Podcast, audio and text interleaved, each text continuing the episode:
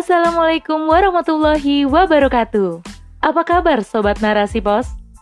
Kembali lagi bersama saya Giriani di podcast Narasi Pos. Narasipos.com Cerdas dalam literasi media, bijak menangkap peristiwa kunci. Rubrik Opini. Keamanan kritis di negara kapitalis oleh Dia Dwi Arista. Keamanan minim terjadi di Indonesia. Perampokan, pemerkosaan, pencurian, penjarahan, dan pengeroyokan kerap menghantui. Sasarannya pun tidak bisa diprediksi. Semua orang dengan segala rentang usia bisa menjadi korban. Terbaru, terjadi pemukulan terhadap seorang ustadz di Batam, Kepulauan Riau pada 20 September 2021. Korbannya adalah Ustadz Abu Syahid Chaniago. Beliau tengah memberi ceramah di Masjid Bait Asyakur ketika peristiwa itu terjadi. Pelaku yang datang dengan pakaian rapi tiba-tiba menyerang Ustadz Abu. Parahnya, pemukulan tersebut terjadi pada tengah hari di hadapan ibu-ibu yang menjadi peserta pengajian. Pelaku yang sudah ditangkap akhirnya dibawa ke Polresta Barelang. Anehnya, ketika diinterogasi, pelaku meracau dan berbelit-belit. Tak hanya itu, Kasus penembakan kepada Ustadz juga terjadi di Pinang, Kota Tangerang. Korban yang bernama Ustadz Arman atau Ustadz Alex ditembak dua orang pelaku seusai sholat maghrib. Menurut keterangan saksi, dua pria ini selama tiga hari berturut-turut selalu nongkrong di warung sekitar rumah korban. Korban yang kehilangan banyak darah akhirnya meregang nyawa saat dibawa ke rumah sakit terdekat. Keamanan menjadi salah satu kebutuhan yang wajib dipenuhi dalam bermasyarakat. Namun, Ketika keamanan sudah dalam tahap kritis, bagaimana nasib kehidupan rakyat? Apakah jika negara yang seharusnya memberi rasa aman pada setiap warga malah senyap kehadirannya? Keamanan yang minim sering dirasakan oleh rakyat Indonesia, apalagi penyerangan terhadap para tokoh agama.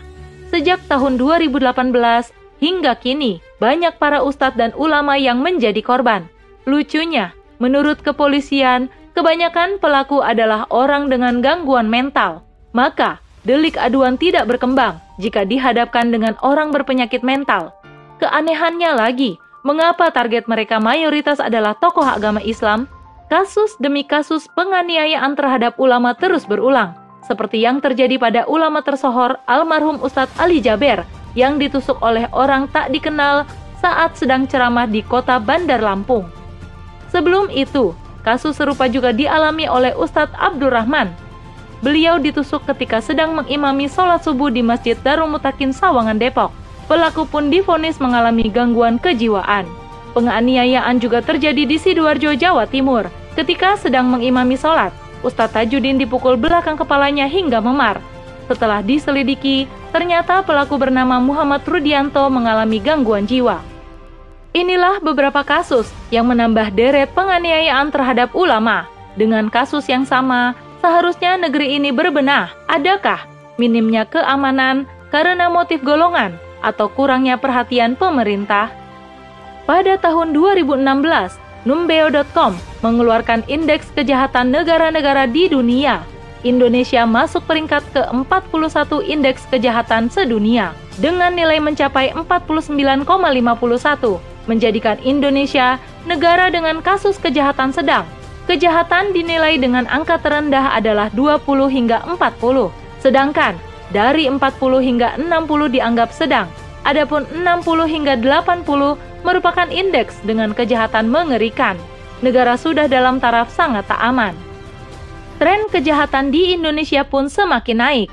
Bahkan, menurut databox.katadata.id, setiap 1 menit 33 detik terjadi kejahatan di Indonesia. Data ini merujuk dari Badan Pusat Statistik 2018. Kejahatan pun dibagi menjadi empat bagian. Kejahatan pertama yang sering terjadi umumnya adalah kejahatan konvensional, di antaranya narkoba, pencurian, perampokan, dan lain-lain.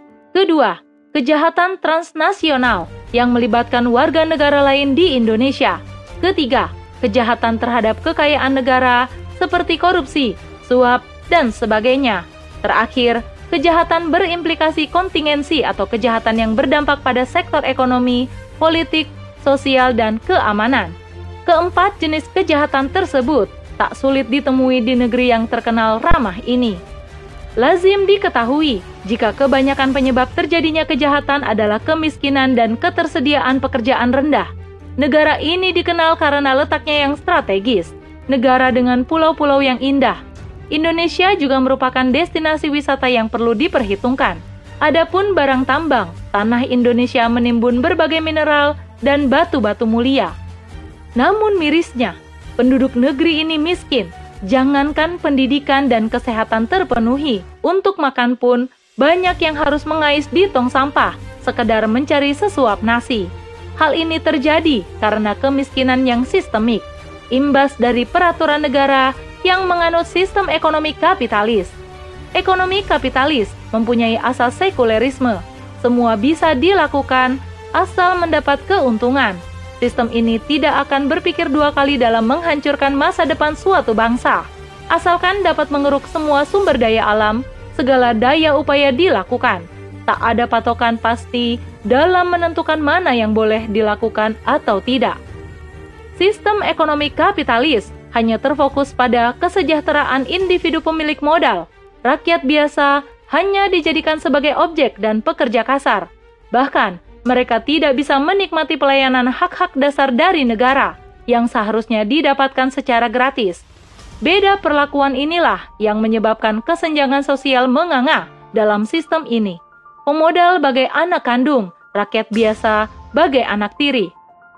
Tergambar sudah wajah asli sistem kapitalis.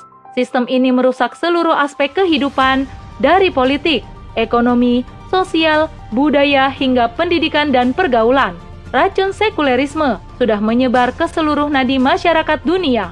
Hingga tunggu saatnya saja, negara-negara pembebek kapitalis akan dikeruk habis, menyebabkan kemiskinan merata dan meningkatnya kejahatan. Maka, keamanan yang selama ini diimpikan hanya sebuah khayalan. Amerika sebagai induk kapitalisme menghadapi bencana kriminalitas yang sudah sampai level mengerikan. Pada tahun 2011, m.republika.co.id mewartakan bahwa Amerika Serikat adalah negara dengan 20 juta kriminalitas. Kemiskinan pun bisa dilihat dengan mata telanjang. Mahalnya pendidikan, kesehatan juga perumahan, memperburuk jumlah pengangguran dan gelandangan. Diwartakan oleh rm.id, data dari Departemen Tenaga Kerja Amerika Serikat, jumlah pengangguran di Amerika Serikat mencapai 14,7 persen puluhan juta warga dalam keadaan tanpa pekerjaan. Kriminalitas dan kemiskinan di Amerika adalah cerminan nyata bahwa kapitalis tidak mampu menciptakan kesejahteraan rakyat. Potret buram inikah yang diinginkan Indonesia? Allah menetapkan hukum syara dengan tujuan mewujudkan kemaslahatan bagi penduduk bumi, baik itu di dunia maupun di akhirat nanti. Syariat yang Allah turunkan mempunyai tujuan-tujuan yang hendak dicapai, di antaranya menjaga agama, akal, jiwa, keturunan, dan harta. Syariat Islam tidak akan bisa mencapai tujuannya jika diterapkan secara parsial, apalagi hanya sebagai teori dan diskusi. Syariat Islam butuh satu wadah untuk penerapannya. Wadah ini disebut dengan khilafah. Khilafah sebagai kepala negara wajib melaksanakan makosid syariah tersebut. Keamanan pun meliputi seluruh tujuan-tujuan syariat diterapkan. Penerapan syariat tidak akan pernah merugikan manusia, baik muslim maupun non-muslim, sebab Islam adalah rahmatan lil alamin. Rusaknya tatanan kehidupan, baik disebabkan oleh kejahatan maupun rusaknya akal, hingga manusia terjerumus pada paham-paham sesat, akan mudah ditanggulangi oleh khilafah. Kemiskinan sistematis yang menjadi induk kejahatan berawal dari kesejahteraan masyarakat yang tidak terpenuhi. Susahnya lowongan pekerjaan, hingga kepala keluarga tidak bisa memenuhi kebutuhan pokok dirinya maupun keluarga, menyebabkan aksi nekat untuk melakukan tindakan kriminalitas. Begitu pula dengan minimnya pemahaman agama, memudahkan mereka melakukan kemaksiatan. Tentu, kemaksiatan yang dilakukan berakhir pada kejahatan seperti korupsi, perzinaan, pemerkosaan, dan sebagainya. Ketika syariat diterapkan, maka khilafah akan menjamin kesejahteraan rakyatnya, mulai dari ketersediaan kebutuhan pokok yang mencakup sandang, pangan, papan, pendidikan, kesehatan, dan keamanan. Sistem keuangan berbasis baitul mal yang dianut khilafah memungkinkan negara memperoleh dana yang cukup untuk memenuhi kebutuhan rakyatnya. Terdapat tiga sumber pemasukan baitul mal yang akan digunakan untuk menyejahterakan rakyat. Pertama, dari harta milik umum berupa tambang dan kekayaan alam lainnya. Kedua, harta kepemilikan negara yang didapatkan dari fa'i, jizya, rikos, khoroj, humus, dan doribah.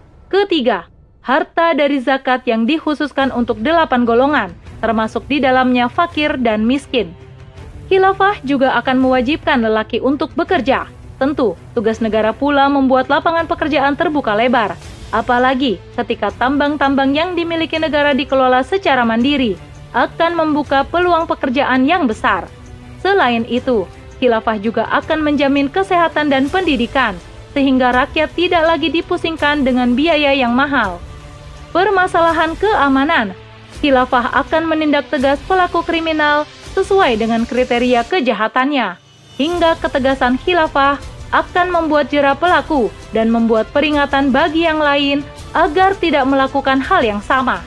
Demikianlah mekanisme khilafah dalam menjaga keamanan rakyat. Jika negara dalam keadaan sejahtera, sistem peradilan berfungsi dengan baik, dan masyarakat pun mempunyai kepribadian Islam insya Allah negara akan aman dari segala tindak kriminalitas. Wallahu a'lam bishawab.